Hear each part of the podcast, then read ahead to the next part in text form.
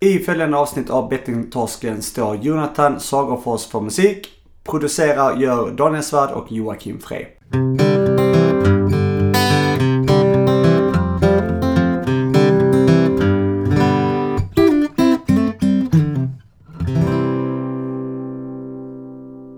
Välkomna ska ni vara till Bettingtorsken avsnitt 33. Välkommen Jocke. Hej! Hej. Eh, nu rullar vi ut eh, årets första avsnitt här. Då. Det gör vi. Eh, Är du, eh, är du laddad för det här nu? Ja, lite trött fortfarande.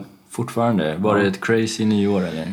Ja, det, var, det var kontrollerade former, men, men är alltid trött. Ja, Ja. men ja, du ser trött. Nej, jag tycker du ser fin ut faktiskt. Ja, ja faktiskt. Lite blek, men det, Ja. det är så. Du ser också ganska frisk ut. Mm, brunbränd, som en... Ja, Ja. jag. Är du brunbränd nu? Ja, tycker jag. Okej. Men du, ähm, bettingtorsken. Ja. För de som inte vet. I och med att det är första avsnittet för år. Så kan vi kanske berätta vad vi gör. Det kan vi göra. Vill du göra det eller ska jag göra det? Jag kan köra. Eh, bettingtorsken är en eh, podcast. Mm. Eh, där vi eh, lyfter ämnet om eh, spelberoende, spelmissbruk. Ja. Eh, man får följa vår resa från eh, ja, spelberoendet till spel, mot spelfriheten. Mm.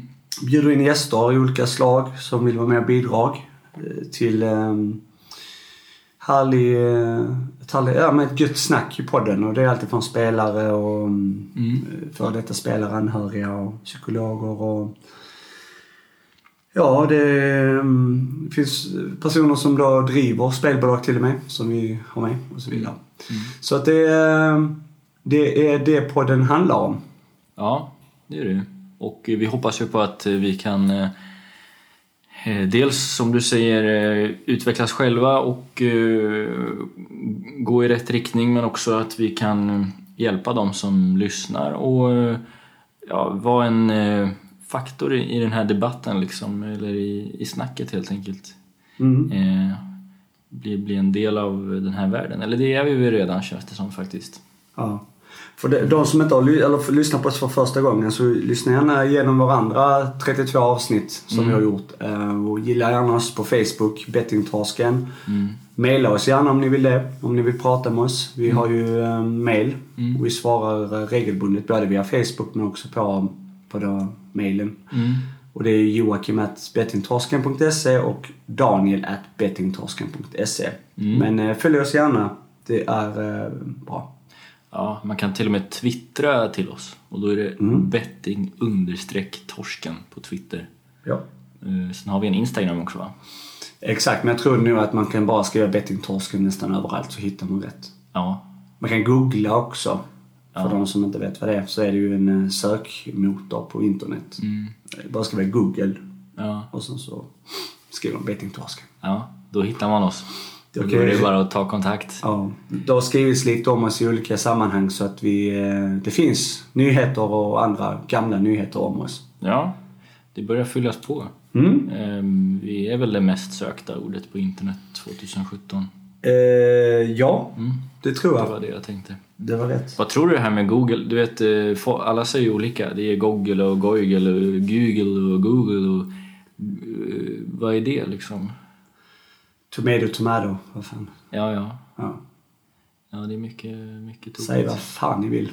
Ja, ja okej. Nej. Bra. Men eh, jag vet inte, vad, vad säger man? Google? Säger jag. Google. Du säger Google eller? Gu- Googla. Google. Google. Google. Har ju vissa. Man har ju såna, det är såna här kikare. Google. Google. Mm. Ja. Vad säger du då?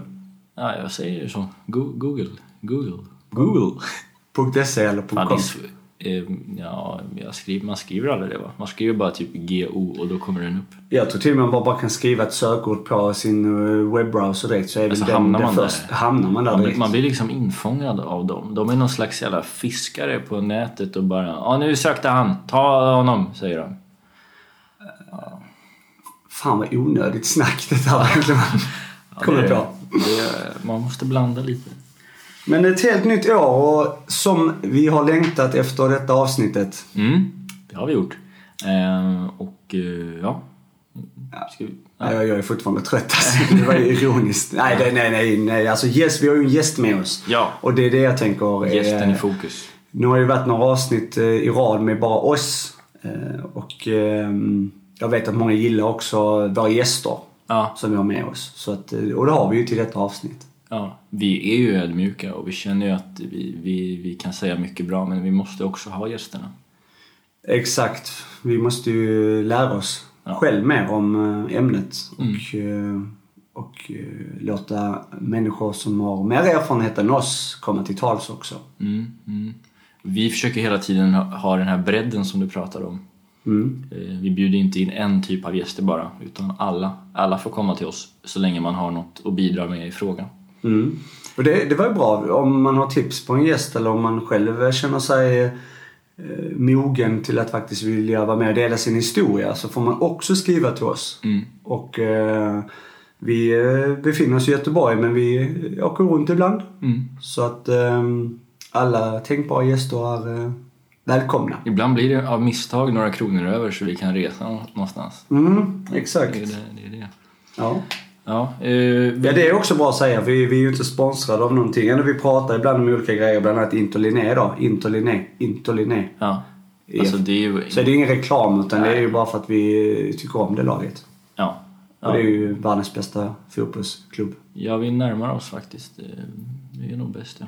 Mm. Nej, vi är inte sponsrade. Vi står fria och det gör att vi kan säga vad, vad vi vill och, och eh, prata med vem vi vill. Mm. Det är jäkla skönt faktiskt. Det är väldigt skönt. Mm. Vill du lyfta någonting annat här eller ska vi liksom eh, tugga igång det här avsnittet? Ja, det, det, det, det är väldigt skönt i alla fall att veta att eh, nu är, eh, nu är det en ny lag. Det har vi pratat om under många, många Ja. gånger under hela förra året. Att Mm. vi ser fram emot det. Nu är det klart. Så att, behöver man eh, extra stöd eller om man har precis eh, insett att man har problem med spel. Mm. Eh, spela om pengar, eh, har ett beroende av det, eh, missbrukar spel. Man har inte kontroll över vad man faktiskt eh, håller på med. Man har börjat ta lån eller andra grejer för att finansiera sitt spelande. Mm. Så söker man direkt, kan man söka vård på en gång. Via sin vårdcentral, man kan gå till psykiatrin, man kan ringa stödlinjen och så får man hjälp. Och detta har börjat gälla nu från 1 januari Mm. 2018, som vi är inne i. Mm. Jättebra att du tog upp det. Det kan inte påpekas nog faktiskt. Nej, Eh, Jag fyller år snart. ja det gör det. 31 januari. Ja. Vad har du slagit till på? Jag, jag ska nog flytta den dagen och slipper Aj, aj, aj. You're out.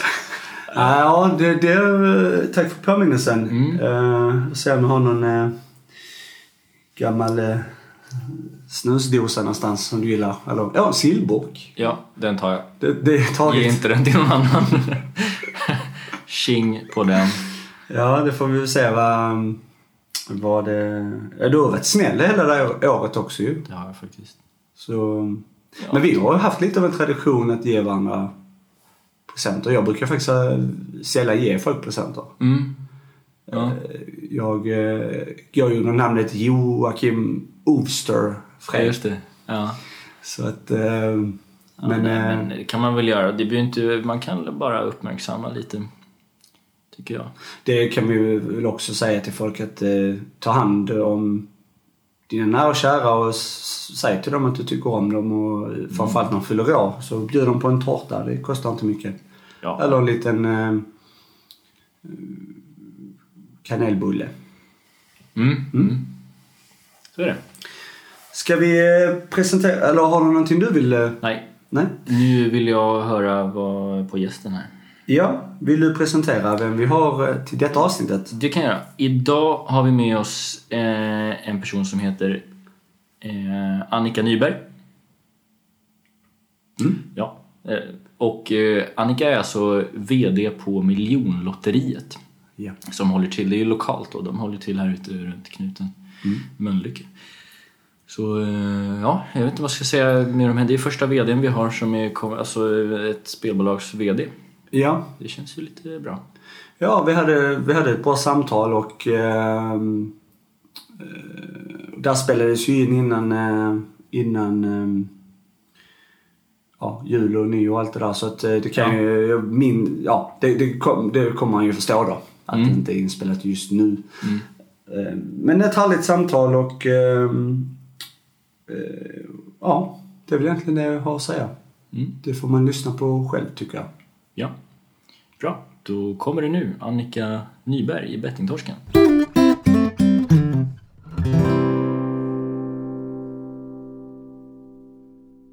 Ja, då är vi igång då med eh, Bettingtorsken med Annika Nyberg.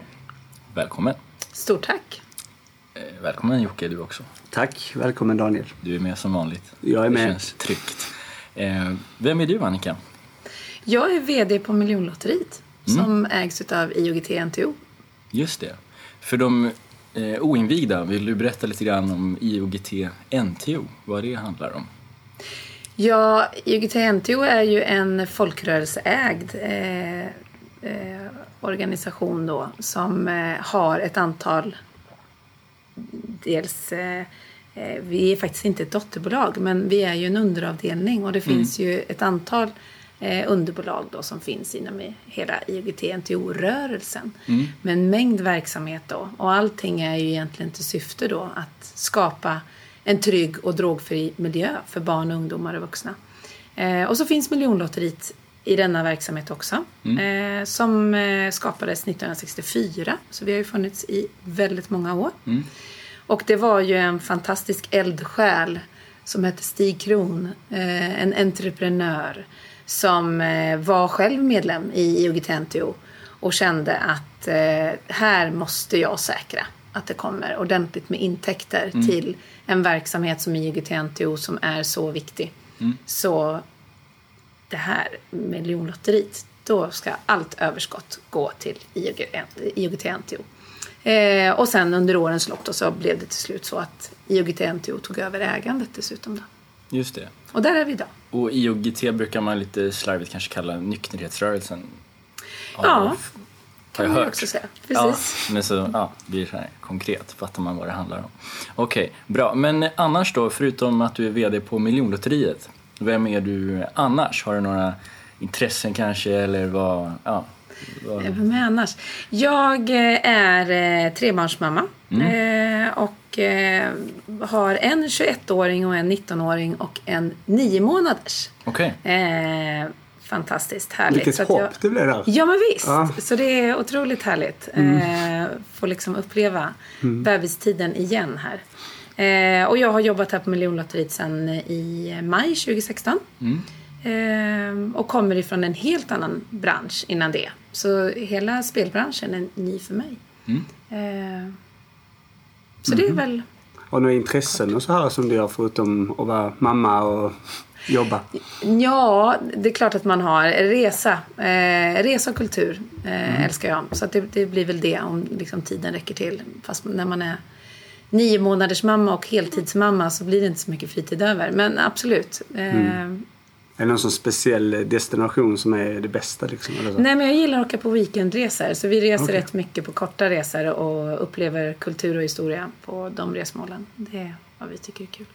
Så, eh, och sen mycket musik, mycket teater. Eh, gillar fotoutställningar och... Eh, ja, Trevligt. det är helt enkelt lite av mig. mm. okej. Eh, Du nämnde att du är ganska ny i eh, den här branschen, spelbranschen. Eh, Hur kommer det sig att du eh, sökte dig hit? Ja, det var väl egentligen för att jag såg en annons som eh, just riktade in sig på att man sökte en VD som ville vara med och göra skillnad. Mm. Eh, och det var väl liksom det någonstans som fångade mitt intresse. Och så började man läsa vidare och naturligtvis så, så framgick det ganska tydligt vem som var ägare. Men framförallt då att det då plötsligt handlade om att vara VD för ett spelföretag och så kände man vad då göra skillnad? Tills man då förstod att man just jobbar med det. Att hela överskottet då går oavkortat till EOGT. Eh, och konkret då naturligtvis alla dessa aktiviteter för tusentals barn, ungdomar och, och vuxna. Som eh, då får en möjlighet till så mycket bra. Och då kände jag så här, det här var häftigt. Eh, Jag har jobbat som chef och ledare och VD i väldigt många år. Och det kändes så gott att få jobba med att eh, kunna optimera en verksamhet och optimera ett överskott och veta att man kan göra skillnad och göra mm. någonting gott och inte bara liksom att man återinvesterar i verksamheten och ska ha ännu mer profit liksom utan eh, det kändes bra i mitt hjärta mm. att få mm. göra skillnad. Men du, du kommer inte härifrån Göteborg va? Nej, Nej jag kommer från Nyköping från början. Okay. Eh, Sörmland. Ja. Ja, för då Om du hörde på dialekten. Ja, exakt. Eh, men du pratade om skillnad och just eh, överskott. Hur mycket överskott är det som går över till, alltså till vet du, IOG? IOGT kan ja. vi säga bara. IOGT NTO. Men ja. man snubblar på namnet när man ska säga det många gånger. Eh, nej men som eh, förra året så var det nästan eh, 120 miljoner som vi hade i överskott. Året innan det var det 130 miljoner som gick i överskott till UGT. Och det, vi, gör ju, vi har ju ett krav på oss med vårt överskott så att de ska kunna planera sin verksamhet. För det är så otroligt många olika eh, delar i UGT som är beroende av att naturligtvis få del av de här, det här överskottet. Eh, och det är som de säger själva att de brukar kalla det här guldpengar och det gör de utifrån att eh, det är så viktigt för dem som är ett folkrörelseägt bolag och, och, naturligtvis så här i civilsamhället att de själva kan styra vad pengarna ska gå till. För eh, annars när man får dedikerade pengar ifrån staten så är det ju oftast det ska gå till den här satsningen. Eh, och, och, för deras del här så är det naturligtvis fantastiskt att de får eh, ett fritt kapital att kunna säga att det är den här verksamheten, det är verkligen barnen i i år som behöver extra mycket aktiviteter för att kunna få vara i drogfria miljöer. Eh, då gör vi den satsningen. Mm. Eh, även om det sker med, en framförhållning. Liksom. Men det, det, är ju oerhört viktigt naturligtvis att det finns en stabilitet i det så det inte blir kortsiktiga nedslag. Mm. Du pratar om det här med drogfria miljöer. Så här. Jag tänker generellt, var, um, Alltså vilka droger handlar det om? Alltså nu i till spel är ju också en drog. Eh, Exakt. Går det också till spelberoende eller hur? Nej, det har inte gjort det än. Eh, och, men det finns i den mån det finns ett sådant initiativ som tas och växt efter det. Om man säger hela, både vi och hela IOGT-NTO eh, vill ju verka för att minska beroendeproblematiken oavsett om det är alkohol, droger eller spelproblematik. Nu liksom finns det ju en historia som gör att det är många som förknippar det med nykterhetsrörelsen. Men man ska komma ihåg att eh, IOGT-NTO vilar ju just även på orden demokrati och solidaritet.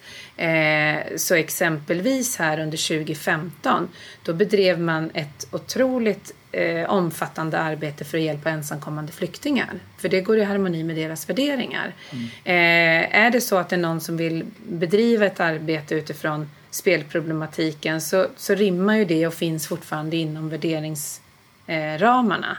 Eh, och det är ju naturligtvis en komplex situation. Eh, att vi är ett spelbolag som kan trigga en beroendeproblematik.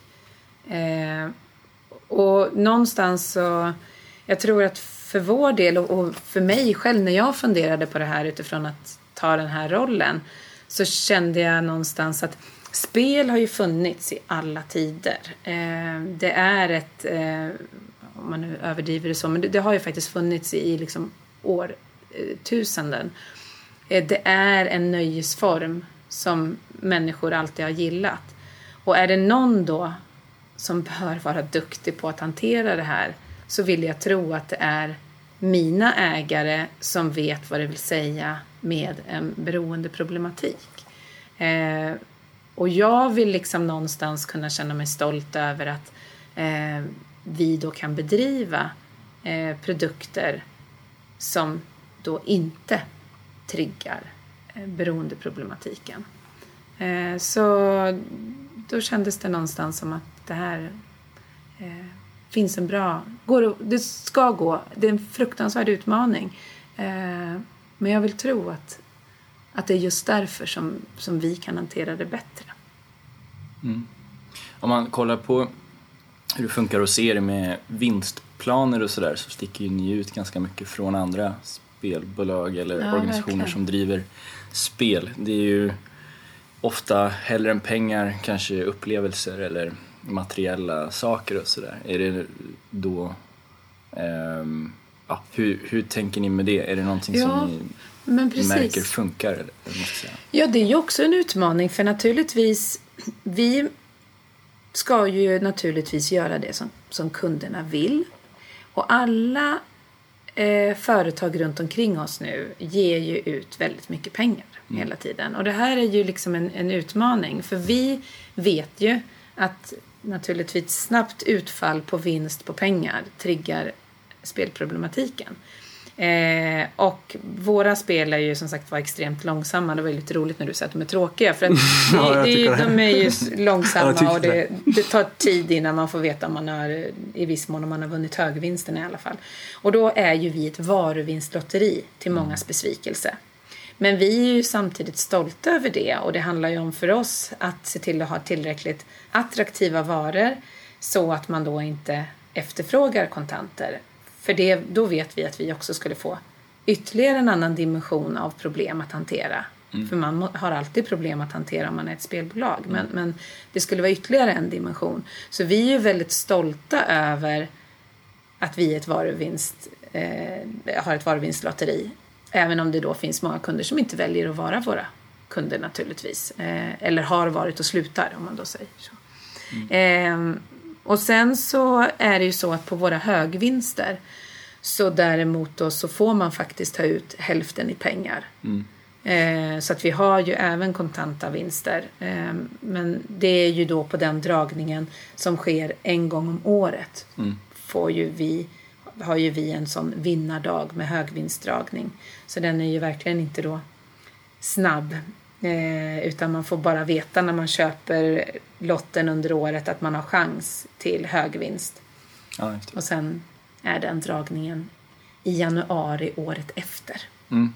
Så att eh, tack och lov kanske då eh, lite mindre triggande för de som letar efter snabba pengar i alla fall. Just det. Det är de här systrarna då, de här äldre som gick på. Ni hade ju reklam med dem. Maud, ja. Just det. Ja, alldeles verkliga människor. Ja, de är det ja. Mm. Ja, just det. Känner du till dem? Nej, berätta gärna lite kort. Nej, det var, Rita och Maud var faktiskt ett, eh, tvillingsystrar som eh, hade varit kunder i många, många år. Eh, och eh, den ena systern vet jag eh, då sa nu tänker inte jag fortsätta vara kund för jag vinner ju aldrig. Eh, och valde nog faktiskt också, om jag inte har helt fel, att eh, säga upp sin prenumeration. Eh, medans då precis, om det var månaden efter, det kan vara någon viss felaktighet i det här, men väldigt kort därpå i alla fall, så vinner ju då tvillingsyrran 7 miljoner. Eh, för då på den tiden var eh, vinsten så pass hög. Då. Eh, och då så delade hon det här med systern och de valde då att eh, resa jorden runt på alla olika mm, fantastiska resor. Eh, och så har vi följt dem och, och skapat reklammaterial utifrån de här tvillingsystrarna. Nu är det inte alls det kommunikationskonceptet som vi jobbar med längre.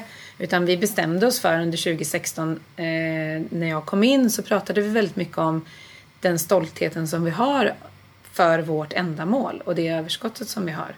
Eh, men eh, det var ganska tydligt att vi var dåliga på att prata om det. Vi fortsatte prata om fantastiska vinster. Eh, och det ville vi inte göra. Utan för oss så kändes det viktigare att vara tydliga med varför vi finns till.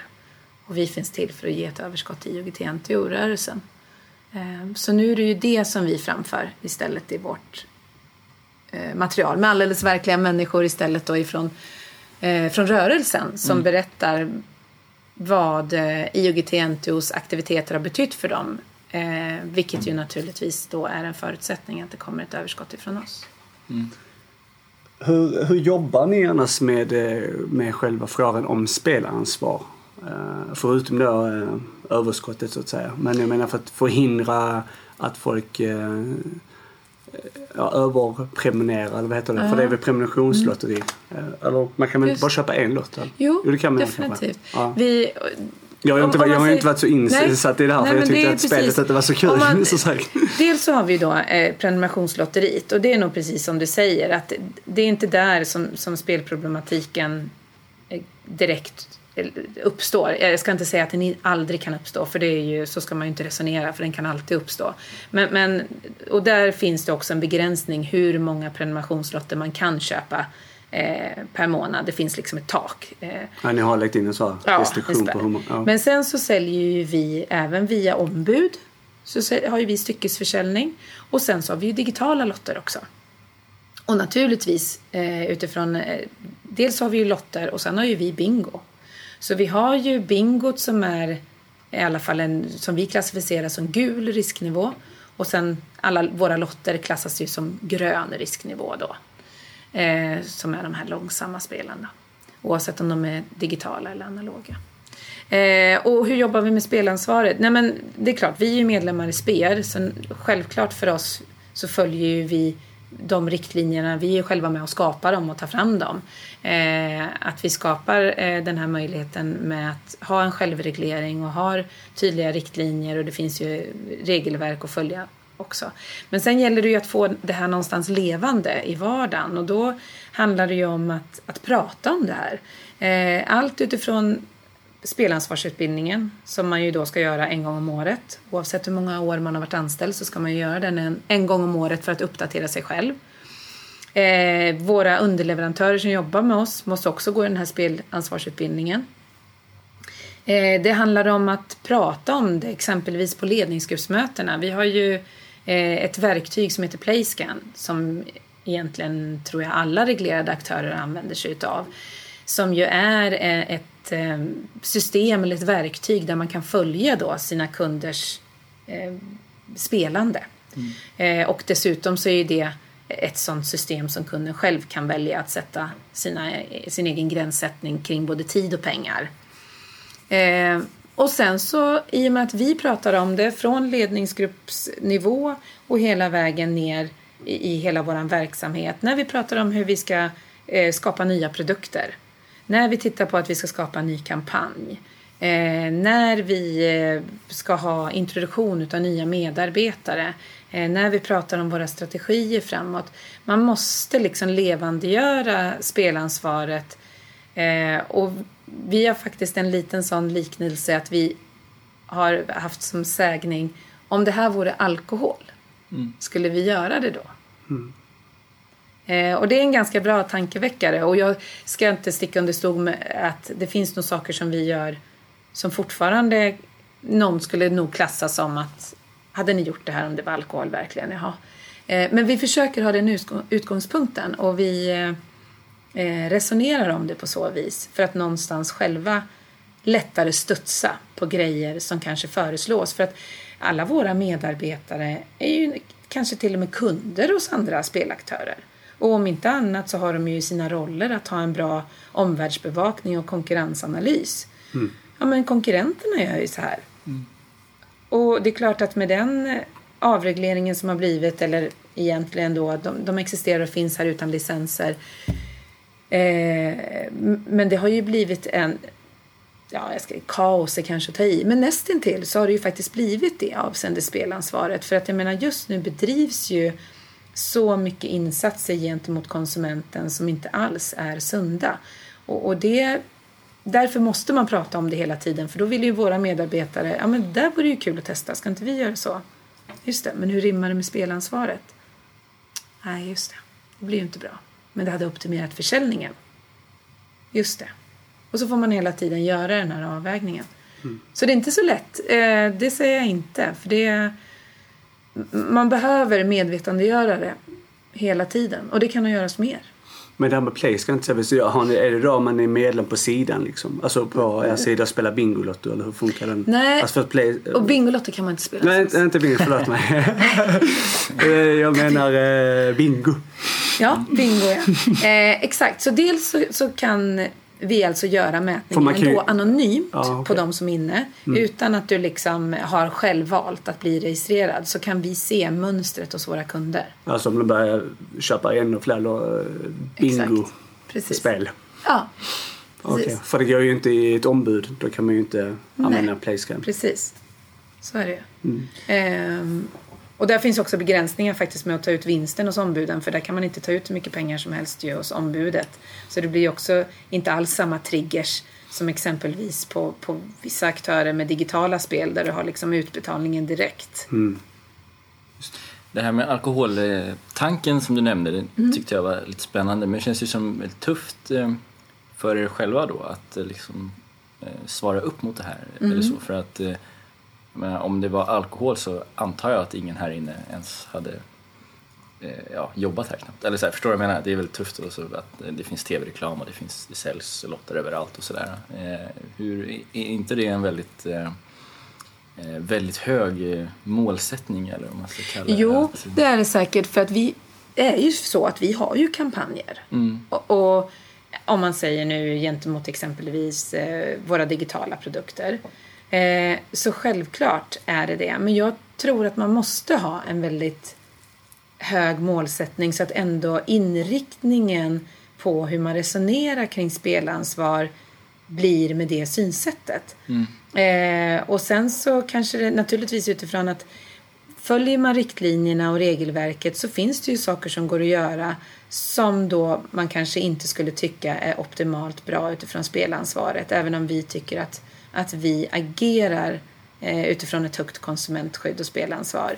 Eh, men det är ju alltid relativt. För utifrån till exempel er så kanske ni fortfarande skulle tycka att ja, men en bonus överhuvudtaget är att trigga till ett osunt spelande. Mm. Men vi kanske då istället tänker till på just det, men hur är våran produkt och hur fort kommer utdelningen av vinsten? Hur stor är bonusen? Eh, om man får en bonus som är en gång på en vecka och kan vara max 100 kronor. Eh, är det farligt? Ja, det kan det ju vara för någon. För det, så, det går ju aldrig eh, det är svårt och tufft med spelansvaret för att det är ju individer vi pratar om. Mm. Eh, som alla har olika förutsättningar. Men eh, jag måste nog ändå säga att jag liksom är stolt över det filtret som vi ändå lyckas att lägga på vårt arbete och vår inriktning med såväl produkter och annat. Och, och, och som du säger, ja men reklam, jo, men vi vill ju fortfarande, det är ju en rolig förströelse att spela. Mm. Eh, vi har ju haft eh, korsord på våran hemsida. Mm. Det är liksom ingen insats av pengar. Eh, det är ett sätt eh, att skapa den här sociala communityn eh, och liksom känna en samvaro. Och naturligtvis, vi kan inte leverera ett överskott till IOGT om det inte är någon som gör en insats. Så naturligtvis. Men återigen, så vi som har så otroligt många kunder, våran huvudaffär är ju prenumerationskunden. Eh, som då har fem eller sex lotter som kommer en gång i månaden som de skrapar. Eh, så vi har ju kommit, som vi är stolta över, att vi ändå har lyckats nå väldigt bra med att få många att spela för lite. Mm. Eh, hellre än att försöka trigga att man ska spela mer och mer och mer.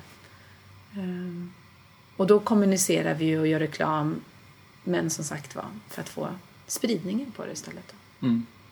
Vore det inte ett naturligt steg med er profil att de här lottarna som till exempel säljs i butikerna styckvis och sådär, att eh, ta bort dem liksom, och rikta in sig på eh, prenumerationerna? Eh, eller ni riktar redan in er på det, men att liksom ha hela fokuset där. Och vad tänkte du då? Var, varför skillnaden skulle vara det mot butik? Nej, för att man, just det att man får lotterna en gång i månaden när man prenumererar. Ja, istället för att man det kan köpa det oftare. Ja. väldigt mycket mindre ja. triggande än att kunna gå och köpa ja, lotter. Absolut. Jo, och det är nog, eh, alltså tyvärr eller, eller bra då utifrån den utgångspunkten så är ju butiksombud våran minsta kanal. Mm. Eh, det är bara några få procent då utav våran omsättning. Eh, vi är ganska osynliga ute hos ombuden. Det är ju Svenska Spel ATG som syns där. Mm. Eh, och vi eh, utifrån spelansvaret, utifrån möjliggörandet. Fast jag tror ändå inte att det kanske är där som det triggar som mest. För det är ändå liksom, du gör det ett besvär och går in i butiken. Då kanske mer det digitala utbudet mm. är att fundera på. Eh, samtidigt som återigen så vill jag hoppas och tro att om ändå det, det, digitala spelandet säger man ju kommer att gå om det analoga spelandet till 2019. Mm. Eh, så skulle vi bestämma oss för att bara hålla på med analoga lotter eh, då skulle inte vi ha en framtid. Och vi bidrar med så mycket till civilsamhället så det skulle vara så förödande. Så vi vill ju naturligtvis fortsatt tänka att om vi har ett högt spelansvar, en hög trovärdighet och liksom kan ge ett förtroende till våra kunder så spela digitalt hos oss då. Så. Eh, att hellre göra det hos en aktör som har ett högt ansvar. Mm. Eh, om ändå lusten till spel finns. Eh, det har ju hänt väldigt mycket på spelmarknaden sista um, året sådär, mm. Eh, med nya ja, licenser som är på väg och socialtjänstlagen och sådär. Vad, vad tänker du om, om allt det? En stor mm. fråga men, men äh. om vi tar de två då, till mm. exempel att, att spelberoende skrivs in i socialtjänstlagen och att eh, det kommer licenser antagligen. Då, liksom.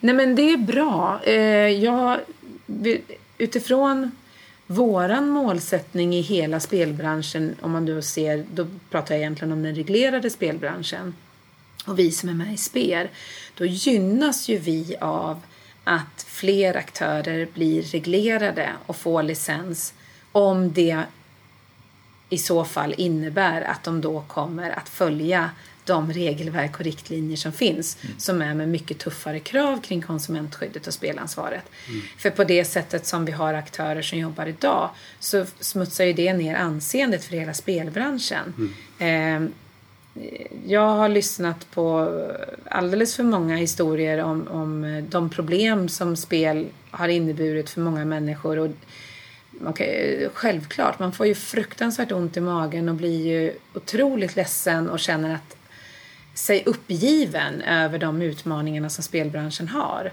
Så jag kan verkligen känna en, en förhoppning inför den här regleringen. Eh, med den målsättningen då naturligtvis att, att de följer regelverket på ett tuffare sätt. Då. Eh, och, och, att Eh, hela problemsituationen eh, kring spel skrivs in i socialtjänstlagen och ska regleras eh, utav kommunerna är ju otroligt bra att uppföljningen sker där. Eh, för jag tror att det finns ett, eh, kan finnas ett mörkertal och eh, jag tror att det är jätteviktigt att det finns en medvetenhet i kommunen och att man kanske har ett, ett förhoppningen där också då att man har en möjlighet att agera snabbare ehm, och kunna hjälpa fler individer. Eh, och det är ju ganska tydligt bara, kan jag säga, på det här året som jag har jobbat att eh, vilken otrolig fokus som spelproblematiken har fått under det senaste året. Eh, naturligtvis utifrån medias eh, uppföljning utav det men även liksom diskussionen i branschen och, och eh, lagförändringarna. Och, eh, så jag tror, att det, nu, jag tror att det nådde sin kulm på något vis och nu liksom kommer det eh, förbättringsåtgärd efter förbättringsåtgärd. Kanske lite för sent, men mm. ändå. Det, det, känns som att bättre, det är mycket bättre på gång. sent än aldrig. Ja, men det känns lite så. Det känns som att det, det är mycket på gång. Eh. Om man pratar lite om reklam och så här, vad, vad, tycker du om all eh, reklam som visas på TVn? Din personliga tanke kring det? Eh, man får ju såna här rysningar ibland eh, naturligtvis och, och, det är ju de gångerna man inte är så stolt och, och vill berätta vad man jobbar med. Eh, när det är liksom bara den ena reklamfilmen efter den andra med helt absurda budskap eh, som är så missvisande och falska. Och, eh, ja, man blir både liksom uppgiven och förbannad på en gång. Eh, och eh, det är det som syns för att de har sånt otroligt kapital, många av de här olicensierade aktörerna. Eh, så de dominerar ju fullständigt i en sån bred kanal som TV exempelvis. Mm. Och sen har vi ju liksom reklam i alla sorters kanaler. Så jag tror att jag är, är inte särskilt ensam om att tycka att det är tröttsamt.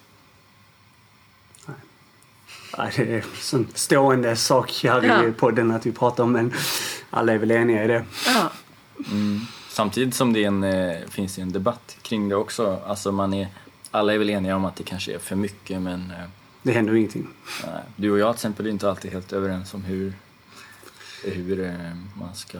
Nej, det är ju tröttsamt som sagt men det är ju, ja, jag är ju mer för de offentliga personerna som, som då är föredöme och för många unga framförallt och mm. står i reklam och är ambassadörer för de diverse spelbolag. Det tycker jag är, där borde man vara lite hårdare tror jag. Mm. Eller i alla fall folk borde förstå bättre liksom. Mm. Ja, man Så. tänker ibland, eller jag brukar tänka när jag ser de här reklamfilmerna med de olika kändisarna. Undrar om de har en aning om hur problematiken ser ut i de här bolagen. Liksom, eller problematiken hos deras kunder då, naturligtvis. Ja, i bolagen eh, går det väl bra. Men... Ja, precis. Utan, eh, jag tänker just det, om de hade vetat liksom, hur, hur spelproblematiken ser ut utifrån deras kunder. Hade de verkligen velat stå där då och göra reklam? För det är ändå personer som jag kanske har reflekterat och trott innan. Man känner ju inte de här kändisarna men att de kanske har gjort ett gott intryck liksom som de har sunda värderingar. Man ska inte kanske i något sammanhang dra alla över en kam och generalisera så här, men det är många som, många vet ju om det därför att många är, det, det, finns ju de som kommer från samma bakgrund som vi som är lite mera eh, aggressiva och utåtriktade och sådär som är ganska snabba med att tala om liksom och visa upp siffror i här, sociala mm. medier. Så att många vet ju liksom mm. och gör det ändå. Det är väl det som är ett problem. Men sen vet säkert inte alla om på vilken nivå av, av allvar det ändå är. Mm. Liksom.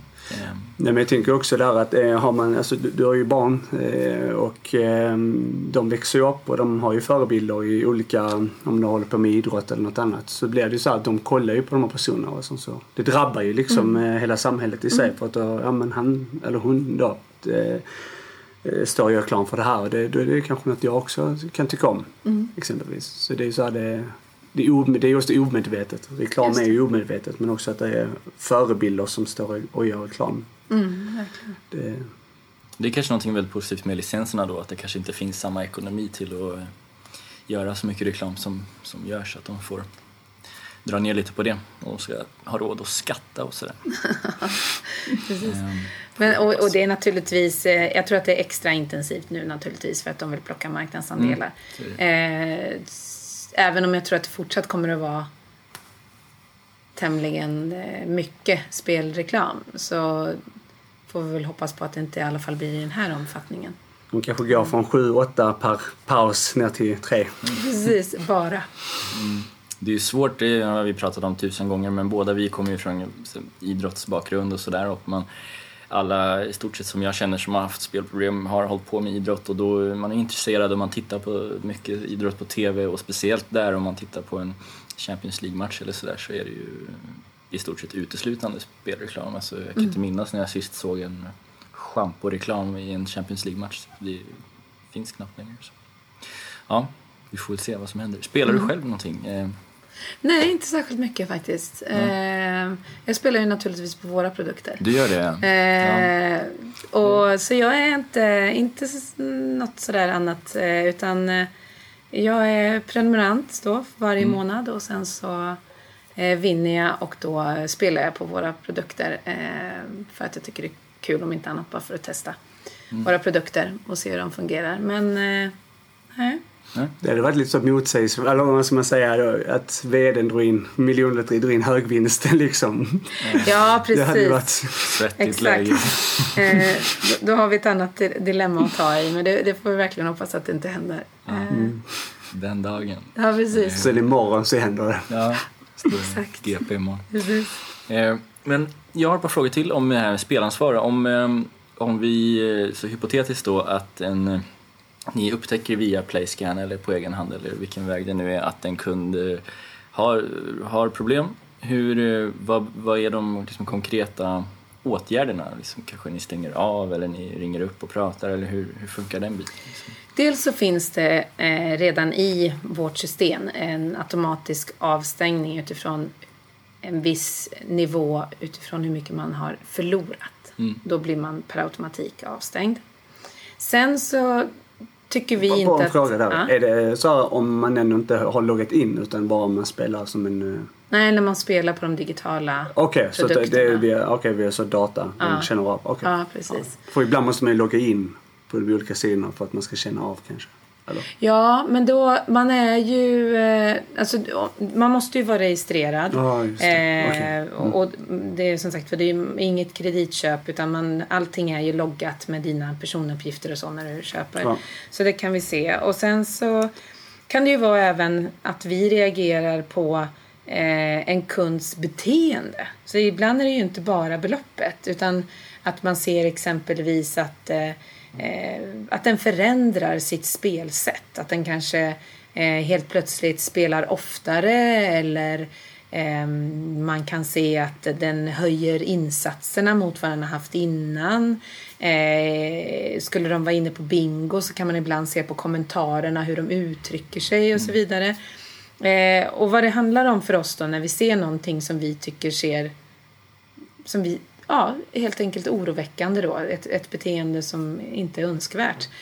Så måste man ju vara extremt varsam. För det är klart att det är ju också att klampa in i en människas integritet. Att vi kan ju inte påstå någonting. Utan vad vi har gjort då är att vi följer det här. Eh, kanske då under ett par dagar efter att man har upptäckt det så ser man, ja men fortsätter det så här, ja det är det ju. Och då har vi valt att kontakta de här personerna. Och så väljer man då att eh, berätta att, eh, pratar inte, lägger inga värderingar i, i insatsen eller i förlorade pengar. Utan eh, samtalet är uppbyggt på det viset att vi frågar om kunden känner till att vi har sett, för det första då, att vi säger att vi har sett att du, du är ju en kund hos oss och du, du spelar ju ofta. Eh, känner du till att vi har ett verktyg där man kan eh, lägga begränsningar på tid och pengar? Eh, och sen beror det lite på hur samtalet går där från kunden. De flesta blir ju väldigt förnärmade. Eh, men då har vi det liksom som eh, en krass genomgång. Ja, men jag vill bara vara säker på att du vet hur man hittar till det på vår hemsida. Du går in här och så pratar man bara faktamässigt om det här verktyget. Eh, och allt som ofta så slutar de samtalen väldigt positivt med att personen till slut får ur sig ett litet tack för att du ringde. Eh, Medan andra kanske inte säger så mycket men, men vi kan ju se att den i alla fall inte spelar hos oss mer eller, eller spelar för mindre eller sådär. Det beror lite på vad problematiken är. Ibland kan vi ju se att man kanske har nyttjat någon annan persons konto eller sådär liksom. Så det, det kan ju finnas eh, annan problematik liksom som, som vi i alla fall måste följa upp då, att vi ser en förändring på. Det är positivt att du tar upp det där med att ni inte lägger någon värdering i summor för det pratar vi mycket om. Och om jag går på ett möte till exempel på Spelberoendes förening så pratar vi aldrig om summor utan det är just beteendet som är det viktiga och det är ju ja, för att alla har olika ekonomi. Liksom. Så. Ja men det är ju det. Ehm, och ehm, skulle jag säga någonting mer här? Jo, du sa att eh, många, mångas första reaktion är ganska stark och man är lite förnärmad och sådär. Det kan ju det kan man ju tänka sig är ett eh, ganska tydligt tecken på att det kanske finns något problem. Så, eller det säger jag utifrån egen erfarenhet. Jag, jag reagerade så här väldigt starkt när, när jag själv blev ställd mot väggen eller så där, när jag, hade, när jag spelade aktivt fortfarande. Eh, jag menar, har man inga problem så, så eh, borde reaktionen vara ganska lugn. Liksom. Ja, och sen, och sen är det nog dubbelt det här att det är klart att du förstår att om jag lägger in eh, mitt namn, mitt personnummer, eh, mina liksom eh, kortuppgifter för att kunna spela så är det klart att jag förstår någonstans att jag är reggad. Men, men det är ju väl också den känslan att det är någon som ringer upp Mm. och kan se det utav alla våra kunder som vi har. Va? Kan ni se mig? Samtidigt som, precis som du säger, den reagerar man nog snarare negativt på för att man har en problematik. Och, och jag menar, skulle vi... Eh, ja, även, även om det är känsligt, men vi, vi någonstans tycker ju att kan vi försöka att hålla det bara till att vi pratar fakta kring verktyget som finns eh, så tror vi att det är i alla fall en liten hjälp på vägen. Eh, sen så har vi sagt nu inför 2018 så har vi bestämt oss för att vi behöver uppdatera vår hemsida och vara mycket tydligare med liksom, syns numret till stödlinjen tillräckligt tydligt? Eh, behöver det komma upp puffar när man spelar? Eh, för idag har inte vi det utan vi har liksom spelansvar och så, så kan man läsa på om det. Eh, men man kan ju driva det ett steg längre. Att det kan komma upp in emellan och sådär. Och det är ju något som vi har även diskuterat inom SPER då. Att hur kan man liksom optimera spelansvaret ännu mer. Så jag tror inte, vi har nog inte sett det sista. Långt ifrån det sista i spelansvarsarbetet för alla oss reglerade. Eh, för man kan, man kan göra mycket mer. Absolut. Nu pratar vi ju mycket om spelansvar eh, och det är ju för att vi själva har ju haft problem med det så att det, vi vill ju lyfta det. Men, och vi pratar också mycket med reklam. Um, för vad jag vet i alla fall så, så har ju ni bedrivit olika kampanjer. Bland annat så har ni varit ute och pratat med folk och skaffat prem, prenumeranter uh, ute på olika mm. platser och sådär. Direktförsäljning så Exakt och det har jag ju kollat upp på nätet att det har kommit mycket klagomål kring det här. Om man pratar lite negativa nu här också. Ja. Hur, hur jobbar ni kring detta liksom? För det har ju varit mycket... Ja, där det, är det är många som har eh, klagat på er för att eh, de har känt sig eh, intvingade i olika prenumerationer och så här. För att det har stått, ute, stått personer ute och då skrivit upp det. Mm. Hur, hur, jobbar ni med det? Ja, tack och lov. Eh, Sen 2013 så har eh, anmälningarna och klagomålen halverats. Så det är fantastiskt skönt. För att historiskt så har det funnits ett, ett arbete som då säkerligen var och tydligen upplevdes som extremt eh, pådrivande. Mm. Eh, och det var inte bara, det var nog snarare kanske inte från direktförsäljning utan det var sen telemarketing. Mm. Eh, och då eh, och då ringer ni liksom upp olika Exakt. personer och vill eh, det, sälja Ja, precis. Och då jobbar ju vi då tajt ihop med underleverantörer som mm. jobbar med att kontakta kunderna för prenumeration.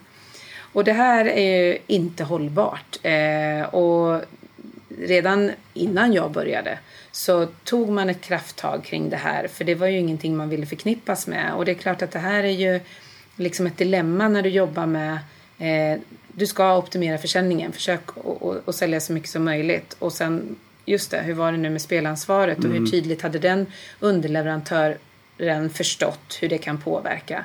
Så då gjordes ett omfattande arbete då med att man då tillsatte nya personer här internt som bara skulle jobba med att kvalitetsstärka samarbetet med, med telemarketingbolagen. Mm. Merparten av bolagen byttes helt ut. Eh, man gjorde ett arbete med att certifiera varje säljare. Bytte ut manuset och gjorde ett som vi kallar ett kvalitetsmanus eh, för att liksom säkra att det inte fanns då den här eh, kanske missvisande eller missledande Eh, informationen i de samtalen.